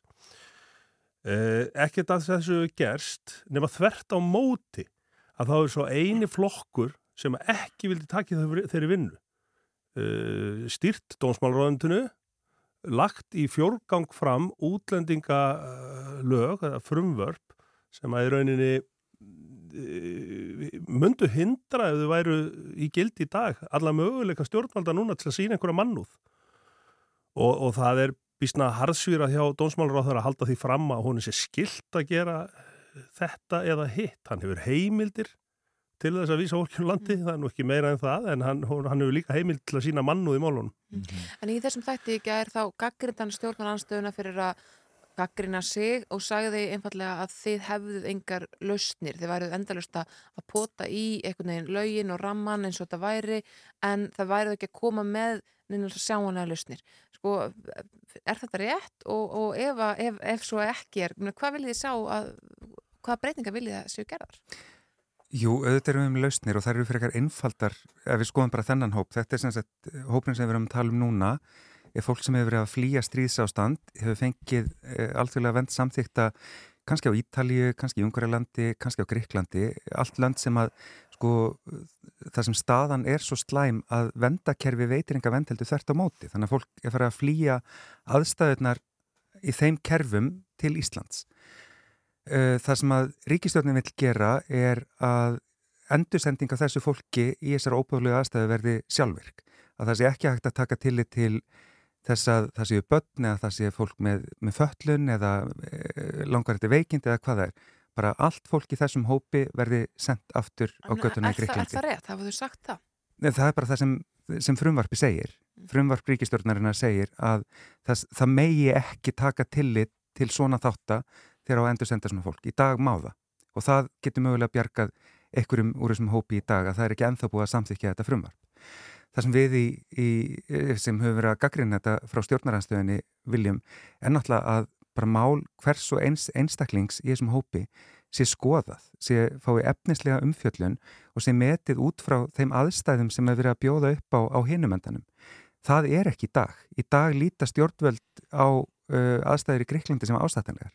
Það sem fólk er að sofa á göttunni, það sem fólk fær ekki helbreyðist þjónustu mentin fyrir börnin sín, útsett fyrir ofbeldi, já eða í Ungarilandi það sem að, að sko er bara það mikill kerfislegu rasismi gagvart flótafólki frá Afríku og, og, uh, og með Östurlöndum að þetta fólk er bara, uh, þetta er skotmörk. Þetta, þetta er fólk sem verður bara fyrir beinu ofbeldi af hálfu jafnvel sko opinbæra starfsmanna. Fyrir utan það náttúrulega stjórnvöldi í Ungverilandi voru bara fyrir nokkru dögum að lýsa í neyðar ástandi vegna uh, stöðunar á flótta fólks frá Úkrænu. uh, auðvitað er þetta tvíþætt þegar að, þegar að hérna, kemur að þessum lausnum. Ég menn annars vegar auðvitað, auðvitað bara að liðka fyrir fólki og gefa þeim þau réttindi sem að svona uh, venilegt fólk hefur uh, samkvæmt ES-samningnum og, og þá stöðu þannig að það geti sótt sér vinnu og annað slíkt sko. Uh, Hins vegar verður náttúrulega að horfa sérstaklega til fólk sem er í bara mjög erfiri stöðu og getur jafnvel ekki unnið og batna og annað slíks og það er verið að tala um það að, að, að þetta fólk fari í einhverja flottamannabúður í Greiklandi. Eh, margt af þessu fólki á enga rétt á því að fara inn í flottamannabúður í Greiklandi og hefur enga, enga rétt á því að fá aðstóð þarlendra yfirvalda til þess að skaffa sér húsnæði þannig að það mun bara einfallega að lenda á göttunni. Þannig að í sömu vikun og það byrtast tölur um það að fyrsta skipti í veraldarsögunni séu 100 miljón manna, 1% jarðabúa með stöðu flóttamanna vegna styrjalda, hörmunga og alls konar óárana að þá er náttúrulega bísna köld kveðja frá ríkistjórn að ætla að fara að standa fyrir einhvernum hópflutningum í óbóðlegar aðstæður. Og svo er stjórnin alltaf búin að sína hvað er hægt að gera með einu pennastriki þegar hún fór að taka mjög vel á móti fólki sem er að flýja ástandi í Úkrænu. Þá var allt í hennu sett upp móttökumiðstöð sem býður upp á svona one-stop shop fyrir fólk sem er að koma þaðan. Það er búin að vera lagaskilda frá 2016 og bjóða upp á þetta fyrir allt flóta fólk. En það er ekki fyrir en þessi hópur kemur sem að, að er brúðist við þeirri lagaskildu og allt í henni er búið að virkja úrræðin sem að, að eiga að standa öllu flóta fólki til bóða, varandi það að koma því inn á vinnumarkaðin og allt það. Þetta, þetta er allt saman búið að vera í lögum um sko margra árabil en það er ekki fyrir en allt í henni að það eru komin einhverjir úkrænski flótamenn sem stjórnvöld aftar sig á því að þau geta þetta. Maður auðvitað hérna, verður að fagna því hvað myndalega er búið að taka á hlutum varðandi flótta fólk frá Úkrænu en auðvitað getur maður ekki komist undan því að velta því fyrir sér hvort að hér á Íslandi sé einhvers konar innbyggður rasismi eða, eða, eða, eða hérna, þolmörk fyrir einhvers konar mismunum. Ég meina við erum að sjá það til dæmis að hérna, börn frá Úkrænu er að fá 200.000 krónur núna og meðan að börn frá Sýrlandi eða annar staðar fá ekkert eh, sambarilegt því. Þannig að Hva- við verðum auðvitað þessu? sko Hvað mennir með þessu? Börn frá Úkran fá 200.000 krónur en börn frá Sýrlandi ekki neitt. Jú, jú, þau fá eitthvað, en ég meina það er verið að, það er verið að veita börnum frá Úkrænu ekstra fjárhagstöðning er og ekki- það getur verið alveg nöðsynlegt og ég er ekki að gera lítið úr því en sko við þurfum að horfa núna á, á það að, hérna, að þetta er fólk sem er að koma úr sambarlegum aðstæðum. Annað fólki vissulega að koma lengra að en búið að standa í hörmungum og styrjöldum í mörg ár sem eru ekki betri heldur en aðstæðanir í Úkrænu og við verðum auðvitað bara að meðhundla þetta fólk með sambarlegum hætti, Já. það er það er að menna Já, já. Jón Gunnarsson saði viðtalið við okkur henni í gæra að hún að þetta er sérkynlegt að flokka sem aðhildust Evrópusambands aðhild var að gaggrýna regluverkið um, sem kæmi að einhver leiti þaðan hvernig horfðu það við Lói? Er, er... Ég, ég meina þetta er náttúrulega bara fráleitt vegna þess að, að Evrópusambandi hérna, sem sagt, uh, heldur út í bara mjög ólíkri innbyrðis uh, hérna, stefnu í, í, í, í flottamannamálum og allt frá því að vera umbröðlund og góð og yfir því að vera anstíkileg og við höfum gaggrið það. Ég til dæmis hef enga áhuga, áhuga á því að hérna, Ísland sko hérna, skip sér í, í hérna, sveit með nágrunum okkar dönum þegar það kemur á útlendingamálum. Og síðan er þetta náttúrulega þannig að uh, rasísk öll- öflum alla Evrópa hafa verið að berjast fyrir því að þrengja þetta kerfi bara frá því að þið komið á. En það er í höndum íslenskra stjórnvalda hvernig þau beita því. Og það að velja það að endursenda fólk sem að er engin skilda á okkur samkvæmt þessu regluverki það er val íslenskra stjórnvalda, það er pólitíska ákvörðin ríkistjórnir að gera það. Sama ríkistjórn gæti alveg sagt já nei við ætlum ekki að endursenda fólk í, þessari stöðu til þessari landa heldur ætlum að bara taka til meðfæra hér. Og það er bísna merkilegt að því Andres nefni þetta að vonandi mun ríkistjórnin og einstakir áþeirar nota þau meðal sem þau geta til þess að hjálpa sem mestu að þessu fólki núna, það kemur í ljós á första mándag, vonandi gera þau það. En það er hálf kaltænilegt að þau ætli þá að beita meðulum sem að sko er verið að koma í vekk fyrir að verði hægt að nota í útlendinga frumvarpinu sem að liggur fyrir þinginu og þau ætla svo að samþykja. Já, það, það, þannig erum við náttúrulega komin að því einmitt sko að það þurfa að fara saman hljóð og mynd. Eh, Það er náttúrulega mjög jákvæmt að sjáast allt í einu lífsmark með ráþara vinstri grænaði í gær og hann, hann segist alltaf að taka utanum viðkvamasta hópin eh, allavega í, í hópi þeirra sem að, á að endursenda núna næstu dögum. En þá þarf að fylgja því eftir með því að, að hætta að vera með einhverja óljósa fyrirvara við þetta ógeðslega útlendingafrumvarp og segja bara þetta frumvarp fer ekki í gegn. Nákvæmlega. Af því að það er ekkert í því frumvarpi nema akkurat þessi kjarnakjarni að endursenda allt fólkið í þessum 300 manna hópi sjálfkrafa. Mm. En er ekki, sko, er ekki alveg rauk með því að það sé ekkert sérstaklega gott að bara í hver skipti sem að, að uh, já, hér sé tala máli einhverja flótamanna eða hælisleitenda í fjölumölum þá fari eitthvað svona spes með fyrir gang og þetta fólk hvað að vera hérna. Þetta er ömuleg staða. Ömuleg staða að fólk get ekki fengið mannúð nema að komast í fjölmiðla. Mm. Við hefum að vera með miklu, miklu betra Það kerfi. búið að vera svona um ára bil. Já, ég meina það er alveg rétt en ég meina eins og ég nefndi í upphafi að, að, að, að hérna allir flokkar nema sjálfstæðisflokkurinn miðflokkurinn var ekki til þá reyndar eh, vildu fara þveru öfu átt við það sem að sjálfstæðisflokkurinn og ríkistjórnur er að fara og þetta útlendinga frumvarf sem er núna fyrir þinginu það hlýtur í rauninni að, að, að hérna, leiða til þess að, að uh, flokkandi tveir, vinsti grænir og framsók uh, þeir stýi bara á bremsuna. Og þetta ástandan á stjórnarheimilinu enn náttúrulega fara að minna mann svona all ískikila á uh, miðaldra hjón sem að sko uh, eiginlega komast ekki gegnum daginn nema að vera að- að að, hérna kýta í hvert annað sko. En að því að logið mitt lítur eftir til 2017 þá getum við líka rifjað upp að þá um haustið voru Mari og Hannje í fréttum Mhm. uh, tvæ flóttastelpur sem að, að viðinn á þingi vildum skjóta skjólshúsi yfir og, og á endanum þá voru samþýtt lög sem náðu til allra batna í sömu stöðu og þær sem höfðu verið á landinu í okkur langan tíma allir flokkarinn á þingi samþýttu þau lög nema sjálfstæðarflokkurinn sem var á móti. Já. og þetta var hvað fi- fimm vikum áður en ríkistjórn Katrínar Jakobsdóttur var mynduð. Og þessi atbyrðu, það að sjálfstæðarflokkurinn hafi sko svikið þarna börn á flótta var ein af helstu ástæðinu fyrir því að mörg okkar gátt ekki stjórnarsamstæra á sín tíma. Já, já, ég meina, þetta er í rauninni hluti af þessara atbyrður á sem leiti til þessa samkomula sem var gert. Og þessi hérna lög sem að Andris er að vísa til höfðu sólalas ákvæði, sko, þannig að þau nýttust mjög vel um tíma en svo fjaraði þó út. Þau náðu utanum, það er búið að reikna út þetta, það eru svona 50-70 börn sem að, að þessi lög náðu utanum og það er ekkert smávegis. Og þetta var hægt að gera bara svona með því að vinna hratt. Já, já, en það er rót að segja að það blásum ríkisútna bankasölunir enn mótmælt og, og nú þetta haldið að ríkisútnin lifið þetta af Já, það er allavega eitthvað fyrir að súrna stemningin hjá þeim þegar ráþæri eru fannir að mæta hérna í viðtöl í kvöldfréttum að, að saka aðra ráþæri um legar og fannir að bera sko ólíka sögur innan af ríkisnafundum þá, þá held ég fólk þurfu allavega ykkur að handleyslu til að geta haldið áfram. Ég menna það er svo augljóst og búið að vera augljóst í, í langan tíma að hérna, til þessara ríkstjórna var ekki stopnað af svona uh, ástriðu fullri ást sko, heldur einhvers konar hagkvæmi sjónamiðum og einhver tíman hlýtur þetta bara, þú veist, annar aðilin átta sig á því að það er ekki þetta að búa í þessu lengur. Nei, einmitt. Lógi Einarsson, formaður samfélgarar og Andres Ingi Jónsson, þingum með Pírata, takk kærlega fyrir komuna í morgunútarpið. Uh, við ætlum að fara að skipta yfir á frettastofu að heyra smá fretta yfir lit en ef ekki fá smá músík fyrst. Jú, ég held að það sé rétt. Þetta er uh, upp á rönd með Hjálmar og GTRN, uh, glæn nýtt hér á stöðunni að mér skjáttlast ekki.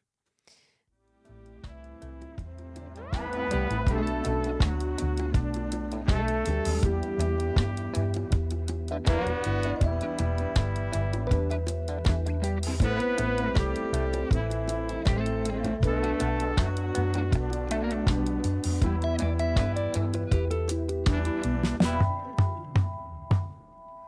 má himinn ver og haf, breytt á milli þó alltaf, ertu fjörður minn og fjall í einu. Þó að fjúki fast á rík, ert að fegur innri rík og í brjósti slæð þitt hjarta reynu. Líkt og æxlist ósjálfrátt, mínir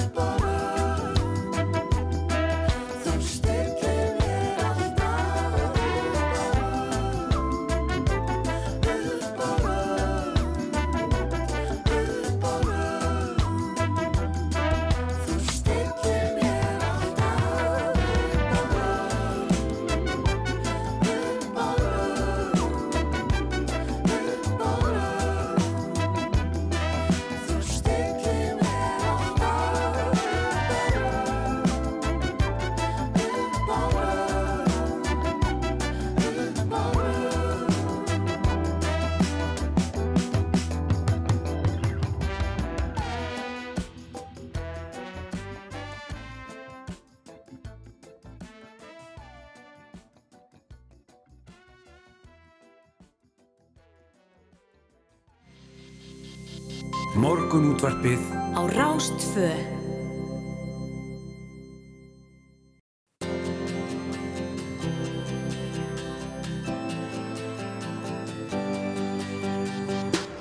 Þú ert að hlusta á morgun útvarpið á Rástfö.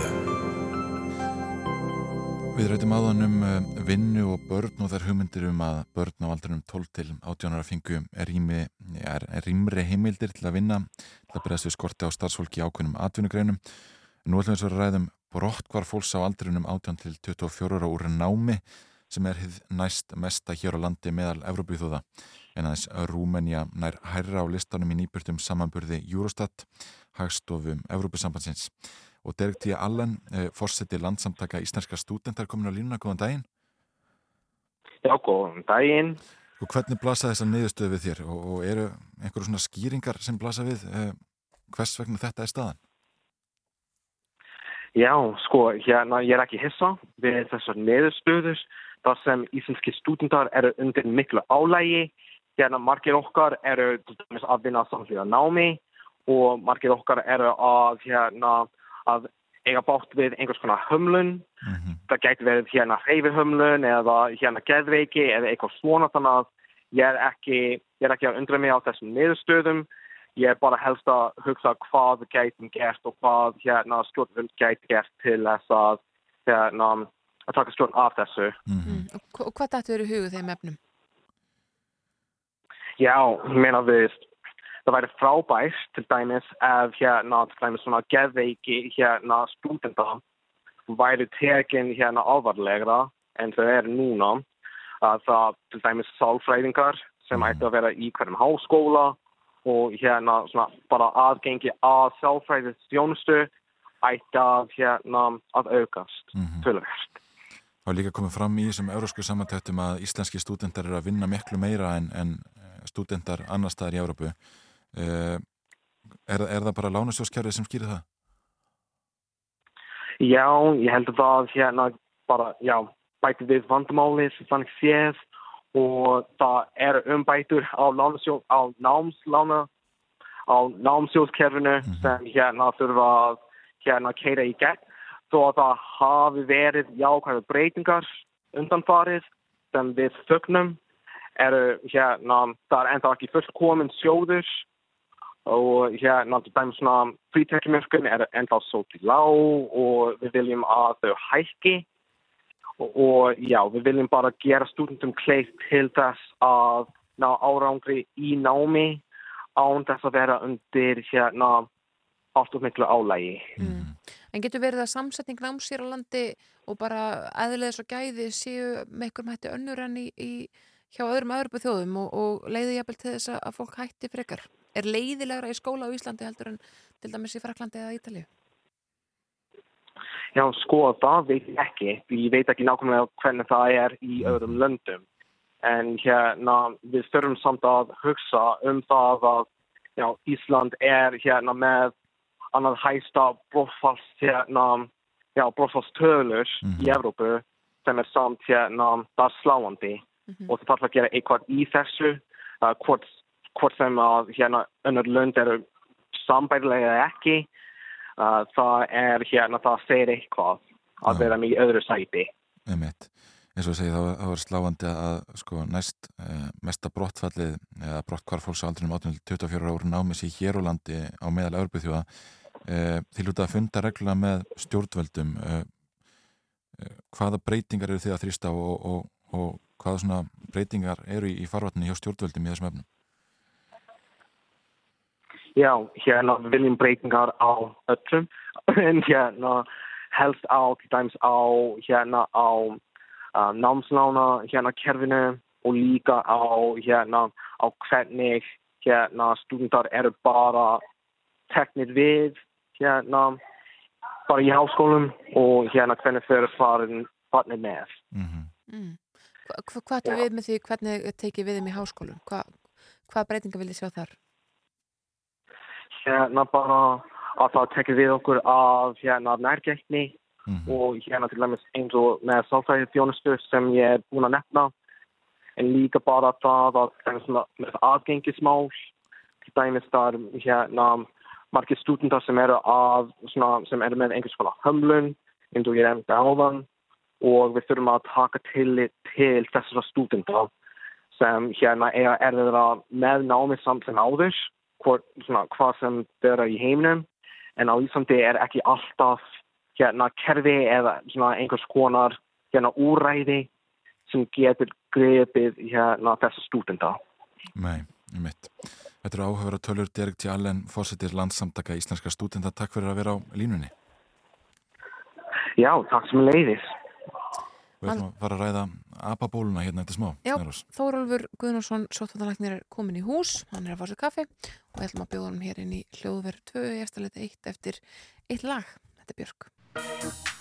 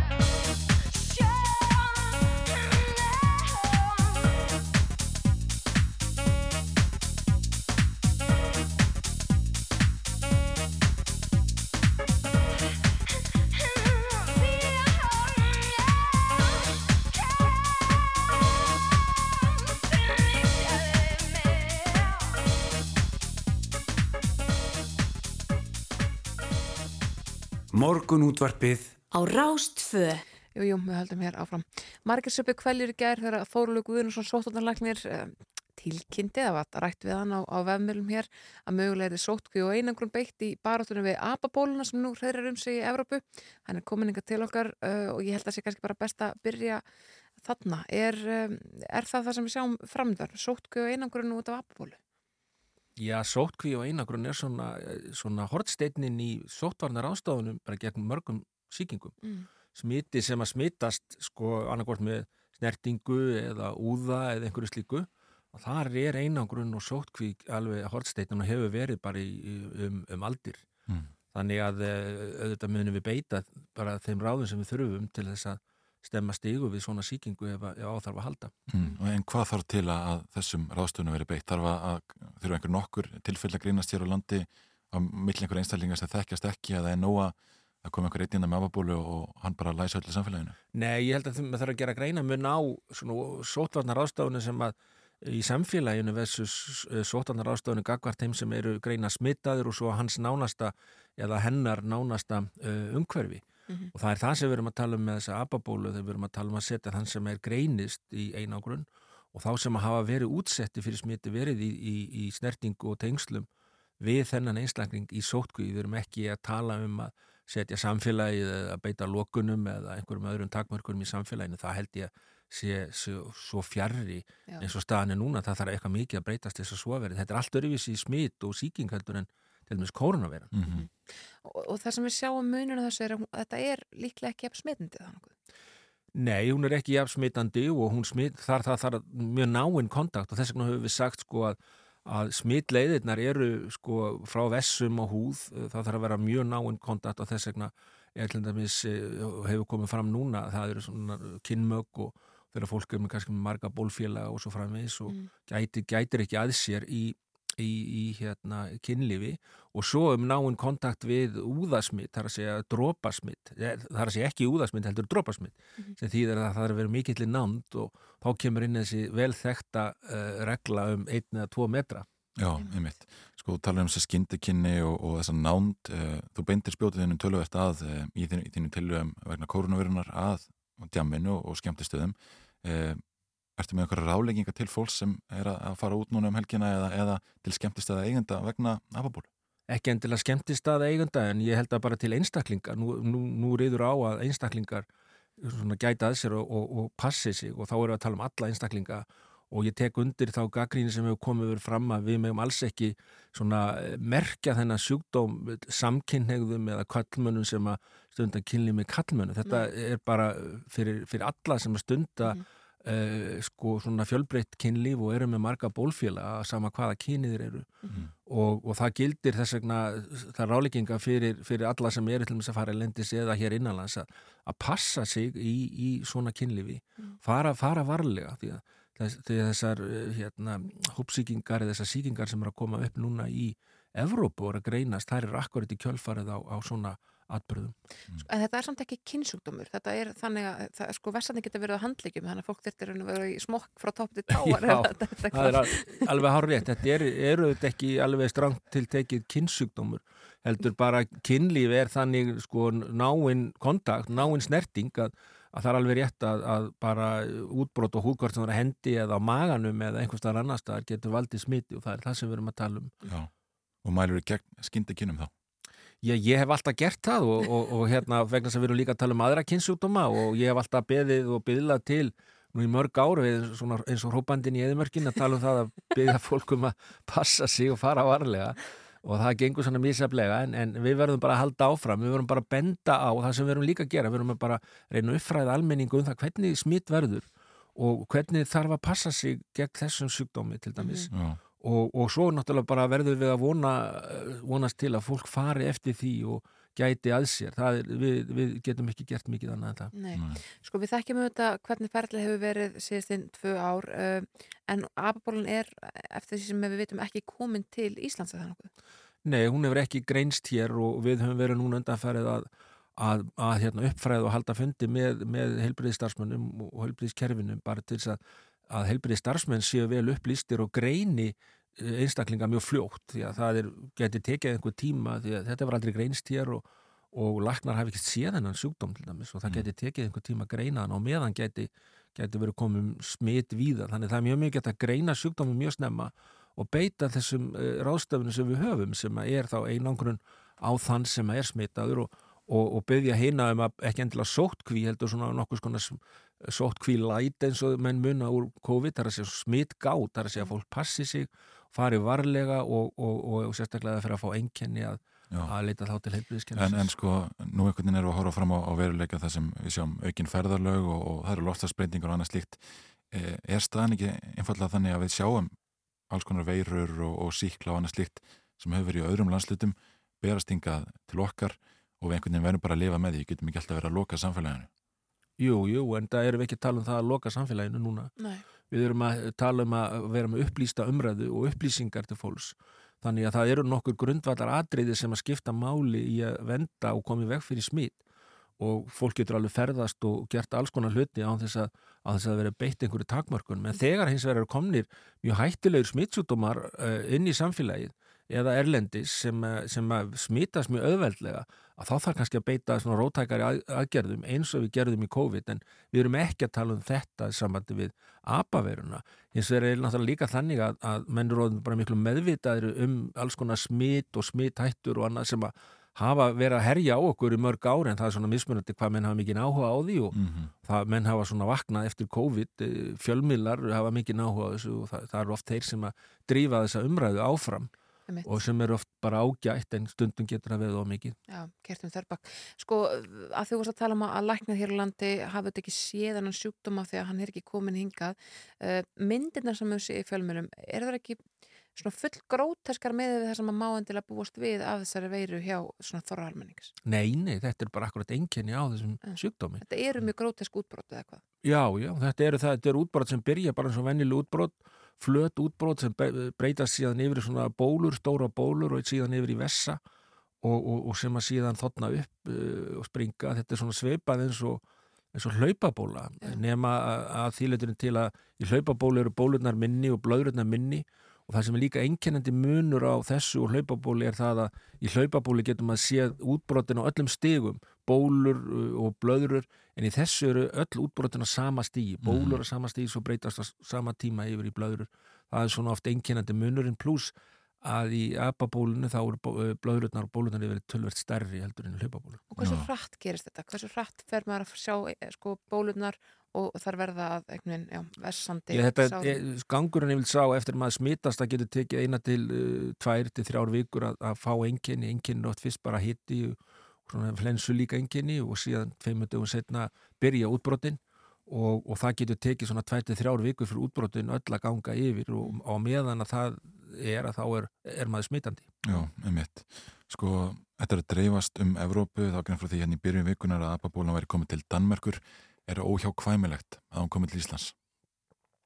Nei, það er auðvitað ekkert óhjákvæmilegt en ég held að við hefum að gera ráð fyrir því. Ég held að við hefum að undirbúa okkur og vera viðbúin og gera ráð fyrir hún komi og, og, og auðvitað vitum við það ekki fyrir víst. Ef hún kemur ekki, þá er það bara ánægilegt en, en frumskilir er að við verðum öll í viðbrastöðu og tilbúin til þess að reyna að stoppa þetta aðeins fljótt eins og hægt er láta hann ekki ná einhverju útbreyslu hérna. Og, og hvað lærdum drægiði af uh, COVID-faldrinum varandi bara upplýsingagjöf? Verða hér daglegir upplýsingafundir ef að apabólan kemur eða eða hvernig ætlar þið Nei, ætlið ég á að nú haga ekki seglum? alveg von á því það fyrir bara eftir hvernig, hvernig, hvernig þróunin verður í þessu. Ég, ég myndi alveg halda að það væri tilefni til þess að ef að fara að greinast hér eh, tilfelli að hafa upplýsingafund Mhm. uh, uh, en hvort það veri daglegir fundir eða í sama stíl, það er svona óljóst og svo bendi ég líka á það að það er ákveðin hætt á því að, að fólk með apabóli getur smita dýr. Því þetta er sjúkdómur líka í dýrum. Þannig að, að ef einhver greinis með þennan sjúkdóm þá er hann- er hann vinsanlega speðan um að vera ekki í, í snertingu við dýr. Einmitt. þannig að dýr getur farið að bera þetta áfram og svo aftur yfir í menn, þannig að þetta er svona allt öðruvísi uh, sjúkdómur heldur en við höfum verið að fást við áður. Og fá dýr sömu enginni? Dýr geta verið einkennulaus en geta líka fengið svipuð einkenni eh, og smit eru vel þekkt frá dýrum, nagdýrum, þetta er aðalega svona í nagdýrum eh, en getur reynda verið í öðrum dýrum líka og, og getur þá smitast yfir í menn með biti eða snertingu eða vessum frá, frá dýrum eh, yfir í menn. Já, Þannig að- að ef að fólk smittast þá þarf það að gefa kettinum utandir eða eitthvað svona. Já, og alltaf að koma hann með í pössun einhver starf annar staðar. Einmitt. Þorlug Vinnusson, Sóttóðanlegnir, takk kærlega fyrir komuna í morgunóttarpið. Takk fyrir. Gonna show you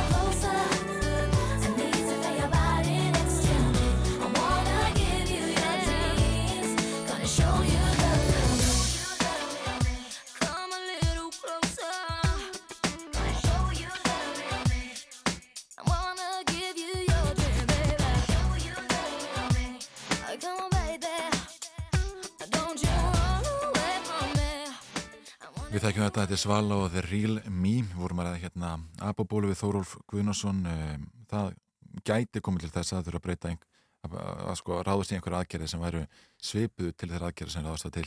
Já, en hann var samt ekki, ekki samt sko eitthvað lokanir á landamærum og allir farið sótkví dæmi, heldur bara Nei. ef einhver smitast þá farið fólki svona í kringum viðkomandi í smitgátt Nákvæmlega. hann talaði alveg varlega en, en sagði samt að við þurfum að taka þetta alvarlega það er mjög svona reiki dánatíninni kringum þetta 0-10% Já, það er er þessi al, alvarlegu enginni e, og emitt.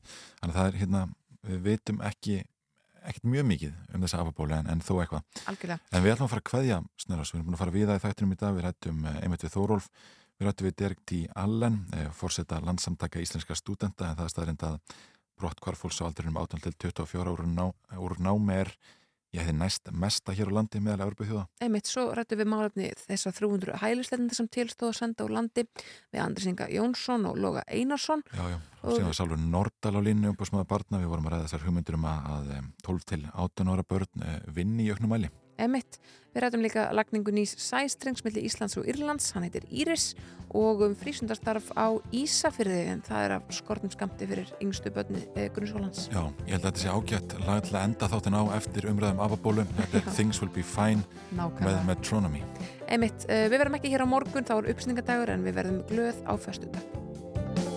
I remember the first time that I felt this weight on me. Yeah,